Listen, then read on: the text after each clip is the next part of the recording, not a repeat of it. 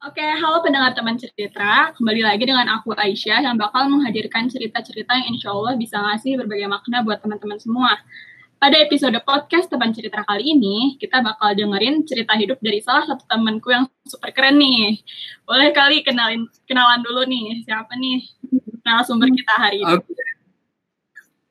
Thank you Aisyah for having me today. Um, kenalin teman-teman cerita, namaku Yafi Abdillah dari Teknik Elektro ITB angkatan 2017. Temennya Aisyah pas TPB. Jadi, jadi kita pernah satu fakultas ya, satu 2017 hmm. gitu. Nah, sebelum cerita-cerita lebih lanjut nih, mungkin Yafi bisa ceritain dulu tentang siapa sih sebenarnya Yafi itu gitu. Kayak cerita-cerita tentang kehidupan, kesibukan, aktivitasnya gitu. Supaya teman-teman yang dengar bisa lebih kenal juga. Oke, okay, oke. Okay. Um, aku bisa dibilang, bukan bisa dibilang sih, pengennya dibilang seorang content creator, asik. Seleb tweet, yoi itulah kalau misalnya aku perkenalan. Tapi kalau backgroundnya sedikit, dulu aku um, bersekolah di SMA yang katanya terbaik di Jakarta, terus pernah menjabat jadi ketua program kelas juga, dan sekarang lagi megang amanah sebagai ketua unit pencaksilat PSAT ITB, terus lagi aktif juga untuk bareng teman-teman yang lain bikin gerakan namanya hashtag saling ngingetin, itu kayak kumpul setiap Sabtu pagi gitu untuk mencegah orang-orang tidur lagi setelah subuh, itu disponsori oleh MST ITB, Habis itu juga lagi iseng-iseng di tengah-tengah kegabutan NEA uh, ikut-ikutan lomba robotik, lomba bisnis plan, bisnis case. Terus ada target juga tahun depan ikut lomba IC design gitu di Okinawa. Terus kayak ya intinya mohon doanya teman-teman semoga itu semua lancar dan aku bisa menang. Saingan nih ya full price aku juga ikut. Oh, kamu lolos gak? lolos. Oh, aku lolos. ya udah doain kita berdua ya teman-teman. ya. Doain aku lolos bislik. Apa? Doain aku lolos bislik. Oh iya itu juga bislik. Amin. Oke ada lagi kali yang mau diceritain tentang eh, hidupnya? Uh, paling lebih ke ini ya kali ya. Hobiku itu suka talks about religion, uh, especially Islam. Terus juga senang juga dengan hal-hal yang berbau art, khususnya fotografi, videografi, gitu-gitu. Terus juga suka baca buku dan mulai tertarik ke belajar human development sih. Gitu sih. Oke, bisa didengar ya teman-teman semua nih, Afi itu banyak banget kesibukannya, memiliki amanah di berbagai tempat, pokoknya tapi juga prestasi di akademiknya juga masih oke okay lah ya pokoknya keren lah pokoknya mungkin kalau misalnya orang-orang yang udah kenal Yafi juga akhirnya nggak kepikiran gitu kalau misalnya ternyata Yafi itu pernah punya pengalaman hidup yang apa ya yang bisa jadi pelajaran lah buat kita semua gitu kan sebenarnya dengan Yafi yang sebanyak itu kegiatannya dan kalau misalnya dengar ceritanya kan kayak lancar gitu bisa uh, mengikuti mimpi-mimpinya dengan baik. Sebenarnya pernah nggak sih akhirnya mencapai titik yang sangat rendah gitu? Kayak kalau misalnya pernah mungkin bisa diceritain. Oke, okay, thank you Syah. Uh, ini agak panjang nggak apa ya? Boleh, boleh, nggak apa-apa. Oke, okay, sip. Jadi uh, sebenarnya titik terendah dalam hidup aku baru ngerasain banget itu pas liburan pandemi kemarin. Karena kan udah semester 7 ya. Nah, pas transisi dari semester 6 ke semester 7 untungnya pas nggak lagi kuliah ya jadi alhamdulillah. Ya tapi akhirnya merasakan lah yang namanya quarter life crisis terus depresi-depresi nggak jelas gitu. Tapi well gue mau cerita. Jadi um, berawal dari tahun 2019 Desember tahun lalu berarti ya. Nah itu belum pandemi tuh ceritanya. Aku aktif di uh, beberapa unit yaitu unit robotika yang jadi kadif waktu itu di 2020 bakal ada lomba. Um, habis itu uh, aku juga aktif di MStay tiba-tiba diundang untuk jadi formaturnya untuk uh, bikin MStay bangkit lagi gitu. Sama aku juga aktif di himpunan juga di jurnalistik itu namanya Elektron HME terus satu lagi itu di unit pencak silat PSAT ITB nah jadi dengan segala kesibukan itu dan semester 6 juga praktikum-praktikum lalala akhirnya uh, sempat ditawarin tuh di Desember 2019 banyak banget amanah ditawarin untuk jadi ketua MST, ditawarin jadi untuk ketua elektron, ditawarin jadi ketua PSHT juga, banyak banget kan. Nah, sedangkan aku udah bilang, aku tuh orangnya ya pengen eksplor banyak hal, masih muda, ya pengen jadi orang yang generalis aja lah. Takutnya kalau misalnya aku udah megang satu amanah uh, top position gitu, takutnya nggak bisa aktif di yang lain gitu. Aku udah state itu di awal, tapi ya entah mengapa mungkin ITB juga krisis kepemimpinan kali ya, jadi nggak ada yang mau jadi ketua, dan itu problem semua organisasi di ITB deh kayaknya. Nah ceritanya uh, waktu itu unit PSHT itu lagi butuh ini sih, butuh regenerasi ketua baru. Nah kebetulan angkatanku tuh cuma tujuh orang yang bakal uh, kemungkinan untuk melanjutin si organisasi ini PSHT. Nah di situ kondisiku adalah aku tuh dari awal sebenarnya nggak boleh ikut unit ini sama orang tuaku karena orang tuaku ya dulu uh, takut lah ini anak laki-laki pertamanya diapa-apain terus kayak belajar bela diri pukul-pukulan ya khawatir lah takut gue tawuran mungkin ya kayak gitu. Nah terus jadi juga nggak dapet izin plus gue juga ngajak jago-jago banget masa jadi ketua tapi lebih jago anggotanya kan nggak lucu gitu. Jadi gue um, ya kayaknya orang orang lain aja deh gitu. Nah dari antara tujuh orang itu ada dua orang yang udah jago banget nih silatnya dan menurutku itu harusnya mereka jadi ketua dan wakil lah gitu. Tapi somehow satu orang ini temanku uh, yang mau dicalonin punya masalah di keluarganya. Ayahnya juga baru aja meninggal tahun lalu. Terus juga satu lagi ini uh, dia punya masalah akademik, ada mata kuliah yang ngulang gitu. Nah, mungkin karena orang-orang bilang mungkin aku apa namanya people pleasure, ya itu jadi kayak lebih mendahulukan orang lain gitu ya kayak menurutku akademiku juga nggak terlalu parah orang tuaku juga masih lengkap masa aku nggak mau bantu sih gitu Nah, mungkin itu juga sih bahayanya teman-teman. Nah, akhirnya dari situ aku coba memberanikan diri untuk jadi sok penyelamat unit gitu ya. Sok sok jadi ya ya udahlah jadi ketua lah nyalon gitu. Nah, untuk konteks sedikit dulu aku juga udah aku udah cerita dari awal ya. Aku dulu ketua PK itu organisasi tertinggi secara fungsional di SMA. SMA aku juga di 8 Jakarta itu katanya sih SMA terbaik di Indonesia Raya walaupun banjir terus sih. Tapi ah, dari situ aku juga sebenarnya um, jujur ITB itu ya kalau boleh sombong gue takut diazab sih tapi nggak apa kalau boleh sombong ITB itu kayak piece of cake itu buat gue kayak ah udahlah ini gampang banget lah gitu. Kayak cuma tinggal daftar undangan langsung dapet gitu loh. Nah jadi dulu tuh orientasi gue dan teman-teman di 8 itu pengennya kuliah di luar negeri. Waktu itu pengen banget ke NTU Nanyang Technological University. Gue sampai foto di depan gerbang NTU-nya gue pajang di kamar gue ya bisa scholarship uh, ke NTU kayak gitu. Tapi ternyata Allah berkata lain mungkin orang tua gue juga ngapain gue jauh-jauh jadinya gue diterima di ITB dan ya gue gak bersyukur menurut gue kayak itu hal yang biasa aja gitu. Nah dengan kesombongan itu ditambah juga gue merasa ah masa nggak bisa sih jadi ketua silat doang? Gitu. Dulu kan gue ketua PK masa gue nggak bisa sih ngurus organisasi kecil gini gitu. Nah kayak menurut gue tuh ya lagi-lagi hal yang sepele lah buat gue jadi kayak ya udahlah ini gue juga nggak berkorban ini mah. Ya udah gue tinggal hearing aja ntar selesai. Nah oke okay, terus masuk di bulan-bulan uh, Maret gitu akhirnya gue hearing. Gue hearing calon ketua dan karena gue nggak niat waktu itu akhirnya gue hearing bener-bener ngasal gitu sih gue bikin visi misi tuh hamin satu. Besok kayak hearing terus gue bikin hamin satu. Wow. kayak ngasal banget lah kalau tapi visinya masih dipakai sampai sekarang. Intinya gue masukin kata-kata PSHT HHI jadi PSHT ini senang-senang aja lah nggak usah dibawa berat-berat gitu. Tapi itu kan HHI kan nggak ada di KBBI ya harusnya nggak masuk ke visi gitu. Tapi uh, tapi ya pesannya masih terbawa sih. Intinya gue nggak mau uh, unitnya ini apa malah orang-orang dikebuk-kebukin malah bakalan bikin stres aja gitu. Gue nggak pengen kayak gitu. Terus kayak ya udah gue masukin divisi tapi intinya tuh nggak salah bikinnya. Nggak ada analisis kondisi alur berpikir segala macam tuh nggak ada Nah dari situ pas hearing itu gue inget banget ada alumni datang. Nah alumni ini tuh apa ya fanatik banget lah di PSHT dia kayak wah yang memajukan PSHT sejak dulu gitu. Terus jadi di PSHT itu ini sih ada uh, satu tingkatan sabuknya. Nah sabuk ini namanya warga.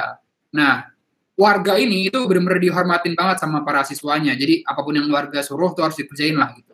Dan emang untuk jadi warga ini nggak gampang, harus ada tes-tesnya segala macem.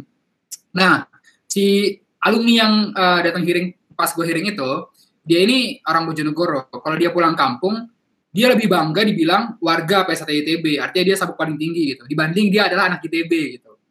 Nah dia udah sefanatik itu dia dengar hearing gue nah ternyata hearing gue berantakan. Terus dia bilang gini ya Vi ini kamu niat nggak sih jadi ketua? Gitu. Dari skala 1 sampai 10 berapa berapa kamu mau jadi ketua? Gue bilang 5 karena gue emang pengen kan ini juga cuma ya gue karena kasihan aja dengan teman-teman gue gitu. Terus dari situ dia udah kecewa banget dia udah kecewa banget ya gue kayak ya merasa sedih aja sih dan merasa mengecewakan orang-orang gitu. Kayak gue merasa masa dulu ya yang dulu yang katanya ketua PK dan dulu jadi role model mungkin di SMA-nya masa sekarang bikin gini doang nggak bisa sih gitu. Nah, udah di situ gue down akhirnya mereka juga ya karena gue calon tunggal mau gimana lagi? Apa mau gue jungkir balik juga mereka tetap setuju gue jadi ketua gitu. Ya udah akhirnya gue jadi ketua. Uh, ya udah akhirnya gue jadi ketua lah singkat cerita gitu.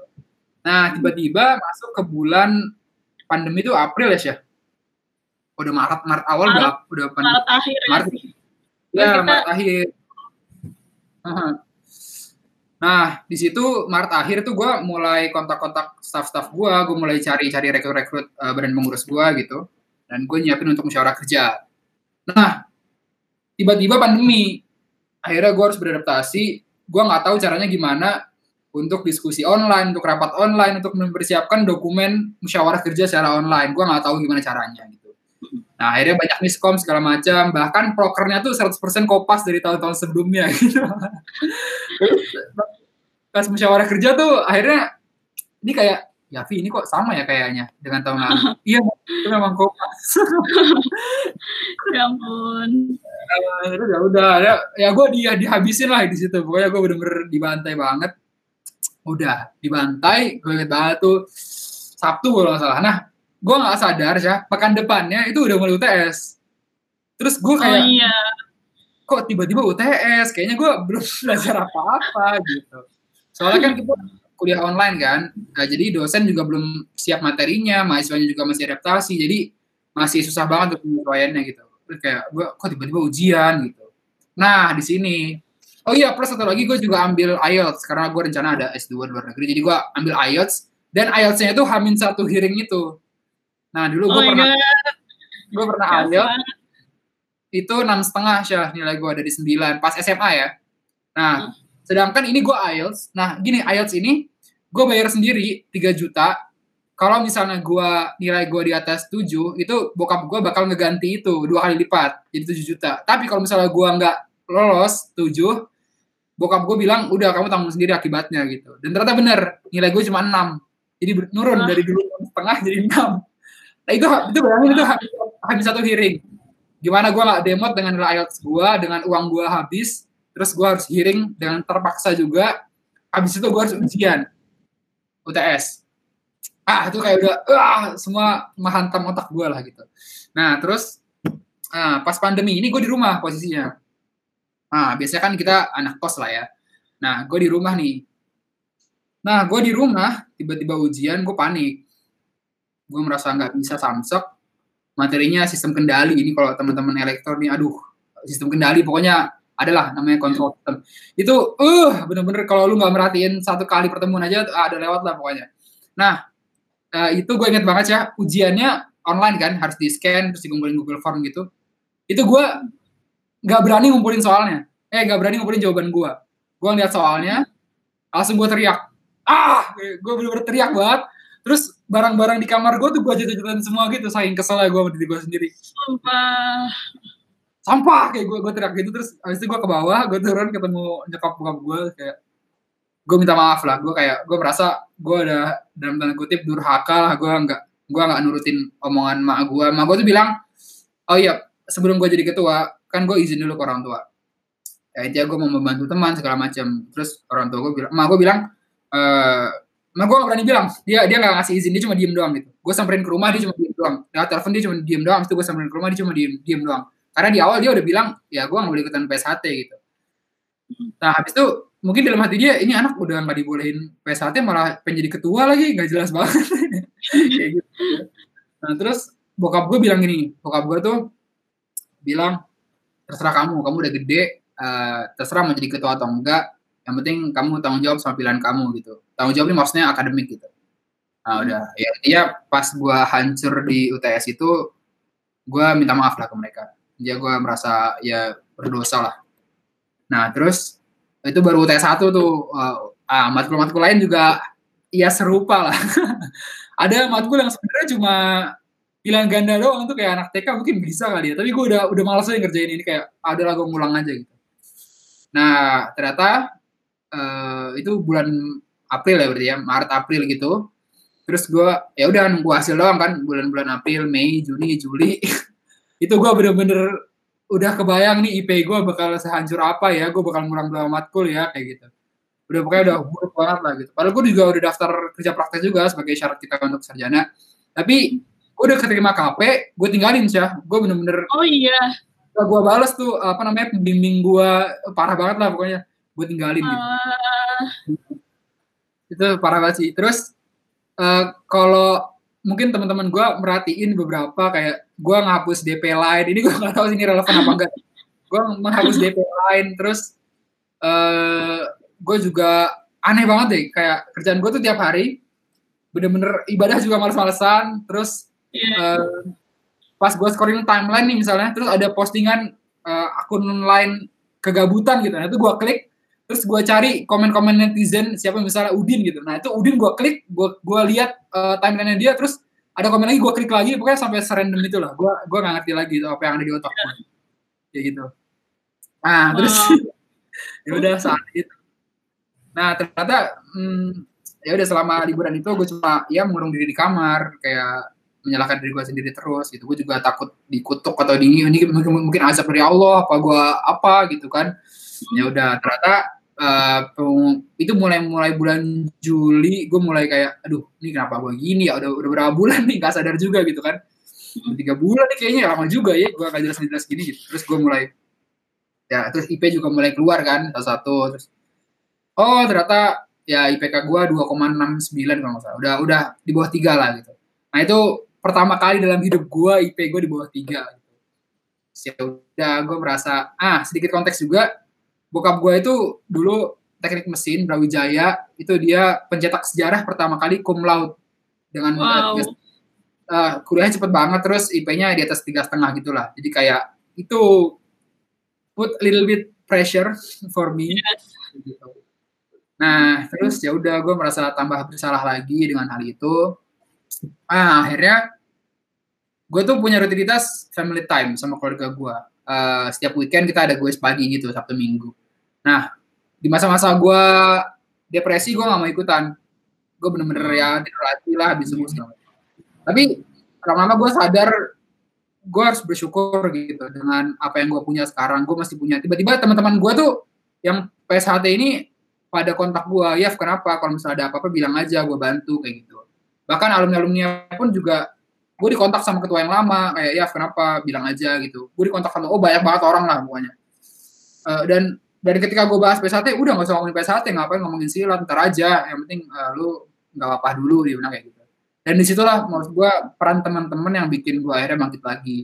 Termasuk juga orang tua gue, ayah gue sampai gue nggak pernah seintens ini setelah gue depresi gue gak perasaan intens ini ngobrol sama orang tua gue dia bilang mas kamu kenapa? Uh, mungkin ayah udah nggak nggak relate ya dengan masalah kamu karena ayah lahir tahun 60-an gitu. Tapi ayah ini ya udah punya pengalaman pernah jadi uh, mahasiswa juga gitu. Kenapa? Kamu ada masalah? Kamu punya cewek ya sekarang? Kayak gitu. Dia ngira gue terus kayak mungkin terus sedih gitu. Enggak enggak kayak enggak enggak. Kayak ya ayah ayah sedih aja sih kalau kamu gini gini gini gini terus. Kan dulu kamu juga hebat lah dibilang ayah nggak nggak expect apa apa kok ayah nggak minta apa apa dibilang gitu. Nah dari situlah dari orang tua gue yang support teman-teman gue support akhirnya ya gue mulai terbuka gitu. Ya gue mulai jujur sama diri sendiri. Gue bilang ya udah mohon maaf banget ya uh, mungkin IP mas sudah nggak bisa tiga setengah lagi kayak ayah dulu gitu. Dia kayak malah roasting gue gitu ngapain IP tinggi tinggi uh, apa namanya nggak penting-penting amat juga udah yang penting uh, ntar bisa lulus dari scholarship. Nah gitu gitulah toh juga hmm. bokap gue pinter sih emang kumlot tapi ansos kayaknya nggak kayak gue kasar gitu ya. ya udahlah gitu ya udah akhirnya gue juga itu dari bokap gue terus um, uh, apa namanya kadang-kadang mak gue juga suka ini sih suka kesel gitu Iya, nih Mas kenapa sih gara-gara silat ya diguna-guna ya kayak kamu ini lemah iman gitu gitu. Lucu juga ya. Padahal nggak boleh tuh ngariin iman sama depresi kayak ya, nah, tapi ya udahlah. Kayak mau gue juga kocak orang. Ya udah akhirnya gue juga ya orang tua gue juga ya support. Terus habis itu tadi akhirnya ini sih kan gue udah ngilang banget kan di PSHT apalagi kan gue ketuanya ya artinya top leadernya kan. Ya udah kalau ketuanya hilang lu bisa bayangin lah seberapa hancurnya organisasi gitu. Ah anggota anggotanya juga udah agak agak agak ada kacau lah gitu. Nah terus akhirnya setelah orang-orang kontak gue gue coba bikin forum keberlanjutan unit namanya. Ini inisiasi gue sendiri nih. Oh ya gue bikin tuh? forum keberlanjutan unit. Nah ini kan alun-alun ini pernah nanya kan ini P1 lanjut apa enggak sih uh, gara-gara pandemi segala macam ini ketuanya ke mana gitu. Nah gue bikin forum itu. Di situ gue uh, menjelaskan gue ke mana apa yang gue alami seberapa depresi gue segala macam dari awal sampai akhir. Nah di forum itu ternyata datang tuh founder-foundernya PS1 dari tahun nah pokoknya udah orang-orang tua gitu datang lah.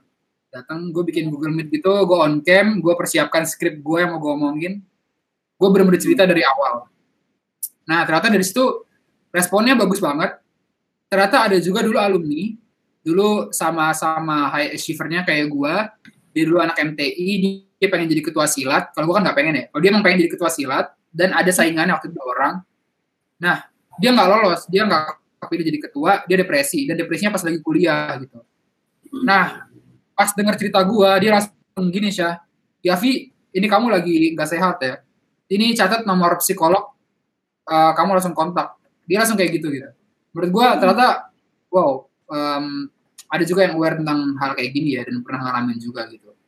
Ya udah akhirnya uh, eh, gue dikasih kontak psikolog gitu psikolog Borromeus kayak gue bilang oh iya makasih makasih walaupun ada juga sih yang kayak mungkin pembina gue bilang gini ya Vi oh ya kan di forum itu gue bilang harusnya gue uh, dicabut aja lah status ketuanya gitu karena gue merasa gue nggak layak gue udah meninggalkan unik ini sekian lama mungkin harusnya gue nggak pantas aja gitu lah ya kayak kayak menteri kesehatan. Oke okay, sorry. Uh, apa namanya? Eh dia gue minta gue diudahin aja lah. Gitu. Nah terus dia bilang gini, ya Fi kamu gak usah sosokan jadi kayak orang Jepang ya, yang kalau misalnya gagal terus uh, harakiri atau mundurin diri gitu. Ini kamu belum bertanding udah nyerah duluan. Gue gitu sama dia. kayak oke okay, oke okay. ya gue terima terima aja sih. Kayak menurut gue uh, it makes sense juga sih buat gue masuk akal kok hmm. ya udah akhirnya setelah gue saring-saring gue terima ternyata ya gue nggak nggak seperlu itu untuk jadi dicabut status keanggotaannya segala macam akhirnya gue tetap menjabat gue tetap lakuin uh, do my best segala macam terus kayak ya teman-teman BP gue juga nerima gitu. Nah udah dari situ akhirnya uh, P1 alhamdulillah jalan. Terus juga orang tua gue juga udah paham. Um, akhirnya gue bisa bangkit lagi. Terus ya surprisingly gue jadi lebih semangat banget. Mungkin karena gue lebih tahu sekarang SWOT gue apa strength gue apa akhirnya gue lebih menggebu-gebu banget on fire banget. Gue lomba gue jadi founder gue kayak macam-macam lah. Sampai akhirnya bisa mengisi podcast cerita terapi. Mantap. Menarik banget nih ceritanya.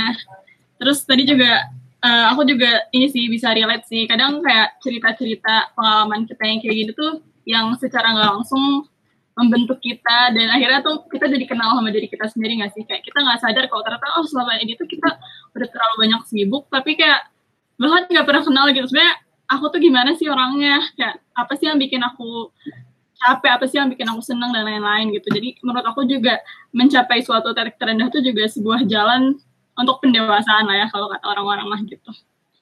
Terus setuju setuju. uh, aku jadi penasaran nih. Sebenarnya kan di awal tuh ya itu udah sering bilang lah ya kalau dulu tuh kayak kayak rasanya tuh gampang lah kayak apa kehidupan tuh gampang mudah terus apa apa bisa dicapai dengan mudah gitu pernah nggak sih sebenarnya dulu kayak kepikiran kayak uh, kayaknya nggak mungkin deh kalau misalnya aku tuh bakal mencapai titik kayak gitu gitu ada kan ada orang aja yang menggampangkan kan kayak ah, hidup gue gampang-gampang aja nih kayaknya nggak mungkin kalau gue uh, drop gitu kayak pernah nggak sih kepikiran sampai kayak gitu hmm, hmm, hmm. Sip, thank you ya. Uh, jujur dulu pas masa-masa yang mungkin baru-baru masuk ITB juga masih semuanya menurut gue gue privilege banget sih. Jadi menurut gue harusnya gue nggak pernah tuh ngerasain yang namanya stres terus kayak gak bisa kuliah gara-gara nggak ada uang terus IPK gue bakal jelek tuh gak menurut gue itu hal yang impossible lah buat gue karena menurut gue gue semua serba terfasilitasi gitu sih. Tapi setelah mengalami hal-hal kayak gitu akhirnya gue depresi kayak akhirnya gue lebih menghargai juga ya tentang mental health yeah. awareness ini terus gue merasa oh ternyata emang uh, cita tuh bener ya life is never flat gitu oke okay. ya yeah. kadang juga kita baru maksudnya isu tentang itu kan sebenarnya ternyata udah sering dibahas kan ya dari dulu cuman aku sendiri juga dulu tuh kurang aware juga sih ya pada akhirnya ketika kita udah ngerasain udah tahu gimana rasanya tuh kita baru oh gini toh oh kayak gini. Yang namanya tentang harus menjaga kesehatan mental diri tuh gitu kan. Terus kayak uh, soal lingkungan nih misalnya. Kadang kita kan nganggep kayak orang lain tuh nggak peduli sama kita gitu misalnya contoh ya. Sebenarnya kalau menurutku sih sebenarnya orang tuh bukan yang nggak peduli gitu loh atau mengeremehkan tapi lebih ke mereka tuh belum tahu belum tahu rasanya kayak gimana gitu. Kayak tadi kan contohnya dari ceritanya kamu uh, alumni yang ngasih kamu referensi tentang psikolog tuh dia yang udah pernah ngerasain gitu gimana depresinya. Tapi kalau dia yang belum ngerasain dia nganggep ngapain sih? gitu. Kayak ngapain sih kamu uh, lemah banget? kayak gitu. Karena dia tuh bukan bermaksud jahat tapi dia tuh mungkin belum tahu rasanya kayak gimana. Jadi menurutku tuh sebenarnya nggak ada di antara kita ini tuh yang saling jahat satu sama lain. Mungkin emang belum paham aja kayak gimana gitu. Terus aku jadi penasaran juga nih karena kan akhir-akhir ini nih kalau misalnya teman-teman. Mungkin bisa nih uh, promosi juga media sosialnya Yafi jadi akhir-akhir ini tuh Yafi tuh sering sharing nih teman-teman tentang ceritanya kayak gitu kan. Mulai mulai sering speak up lah tentang pengalamannya. Sebenarnya apa sih yang melatar belakangi kayak akhirnya yaudah deh gue mau sharing sama orang-orang gitu. Kenapa enggak karena kan orang tuh juga banyak yang mungkin udah punya pengalaman tapi masih nggak berani masih mikir dua kali buat cerita sama yang lain gitu hmm, oke okay, thank you. Ya bener nih katanya Aisyah karena gue setelah depresi itu menemukan ikigai gue asik ikigai. Ikigai gue adalah gue suka uh, storytelling. Makanya gue seneng banget diundang sama Aisyah. Terus gue juga pengen banget jadi seleb tweet. Karena menurut gue sekarang buat sharing itu penting sih. Terutama uh, hikmah-hikmah apa aja yang bisa gue ambil uh, pas gue ngalamin depresi kemarin. Nah kalau ditanya kenapa akhirnya gue berani, berani speak up karena gue merasa sejak pandemi ini kok teman-teman gue banyak yang hilang ya. Banyak yang dulu mungkin sering belajar bareng di himpunan sering nginep bareng tapi kok sekarang tiba-tiba hilang gitu. Gue ngontak dia juga nggak dibales kan gue khawatir gitu. Terus juga ini gue sampein pas waktu itu penyambutan uh, teman-teman SMA gue untuk masuk ITB, gue jadi pembicara juga. Gue bilang di situ, uh, halo teman-teman, adik-adik, gue nggak mau ya kalian semua kayak gue, ngalamin kayak gue. Pokoknya kalian walaupun nggak kenal gue, tolong DM gue, ntar kita cerita ya, gue bilang kayak gitu. Karena gue nggak hmm. mau orang-orang terdekat gue itu ngerasain hal yang sama dan mereka nggak bisa bangkit. Mungkin hmm. bersyukurnya adalah gue punya ya lingkungan yang supportive gitu akhirnya gue bisa bangkit lagi jadi gue kenapa gue speak up yaitu gue pengen bagian pengen menjadi bagian dari uh, orang-orang yang supportive itu sih. Nah kalau ditanya tentang um, sosial media silahkan follow uh, twitter di uh, Mevi Abdillah sama uh, Instagram juga di Afi Abdillah Oke, okay, promosi ya, biar di follow sama teman-teman yang dengerin boleh. Oke, okay, terus uh, aku juga sedikit mau nanya nih kan dari yang awalnya tuh masih kayak careless lah ya kalau dan setelah awal setelah akhirnya merasakan tentang titik terendah itu sekarang tuh pandangan kamu tentang kesehatan mental tuh gimana sih ya? Oke pandanganku ya. Uh, sebagai orang yang udah pernah mengalami dan alhamdulillah survive menurutku mental health ini sebenarnya kenapa baru ada sekarang? Ini aku sotoy-sotoyan deh saya kenapa dulu zaman-zaman orang tua kita mungkin itu nggak terlalu uh, hype gitu ya mental health ini. Gue sih ngerasanya pengaruh internet dan sosial media juga. Karena mungkin zaman-zaman dulu nggak ada sosial media, jadi orang tuh nggak tahu orang lain itu lagi ngapain. Ya kan kita ya, setiap detik kita tahu orang lain itu lagi ngapain dengan cara ngeliat IG story-nya gitu. Setiap detik kita bisa tahu during this pandemic uh, they have learned about something new kayak machine learning. True itu kayak really makes us uh, super insecure sih menurut gua.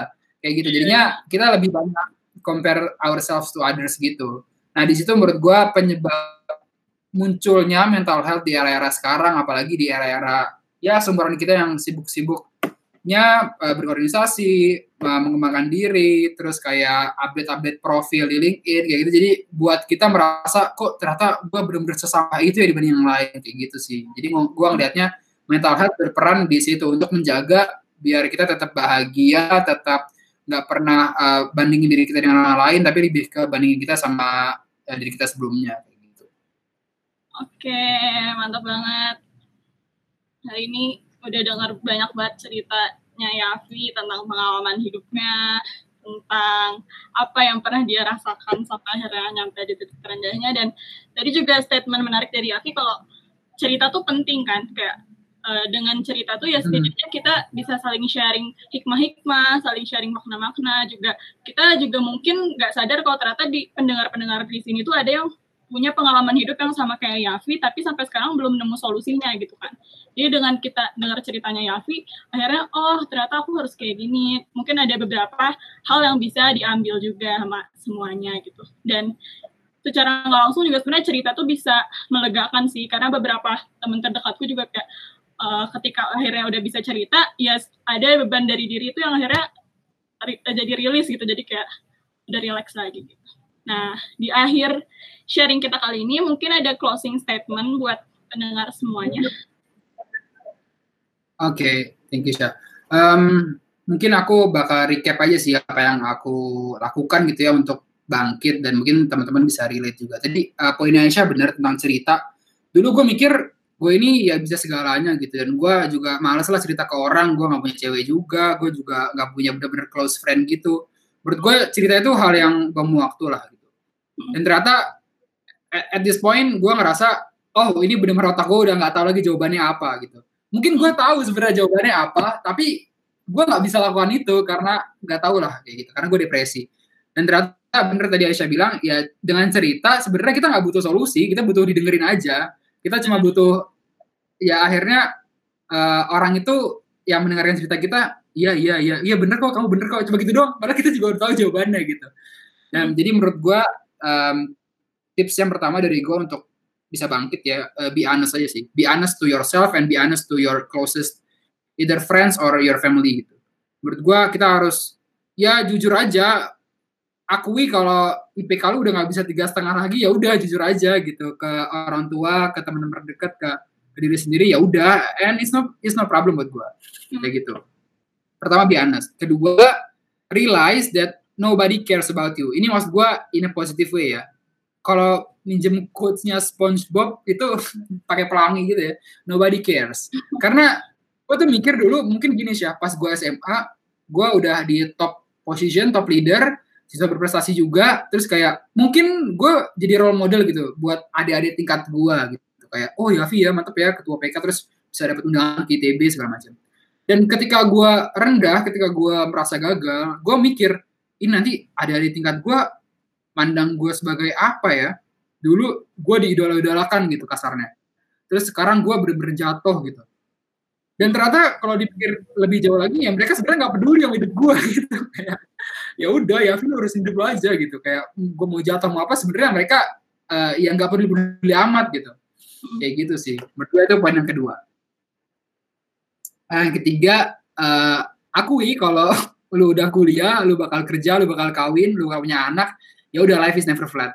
Mungkin gak kayak lu pas SMA atau pas SMP yang ya pergi belajar pulang jam yang sama juga PR-nya juga nggak banyak terus kayak nggak ada konflik-konflik gitu tapi sekarang akhirnya ini proses pendewasaan juga kali ya transformasi dari ABG alay ke bapak bapak kita harus sadar kalau life is never flat loh kalau kalau sebenarnya apa yang lu dulu mimpikan apa yang dulu lu mungkin masih optimis dan utopis ya mungkin nggak selamanya kita bisa jadi orang idealis gitu kita harus bisa ya realistis dan berterima kasih lah pada diri kita. Gitu sih, jadi ada tiga poinnya. Pertama, be honest. Kedua, realize that nobody cares about you. Ini positive way. Dan yang ketiga, life is never flat.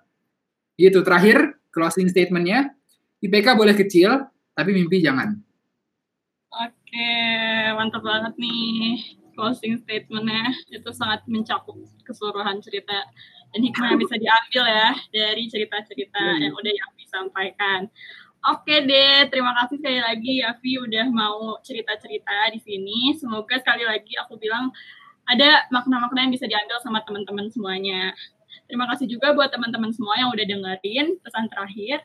Jangan lupa bahagia ya teman-teman. Oke. Okay. Thank you semua.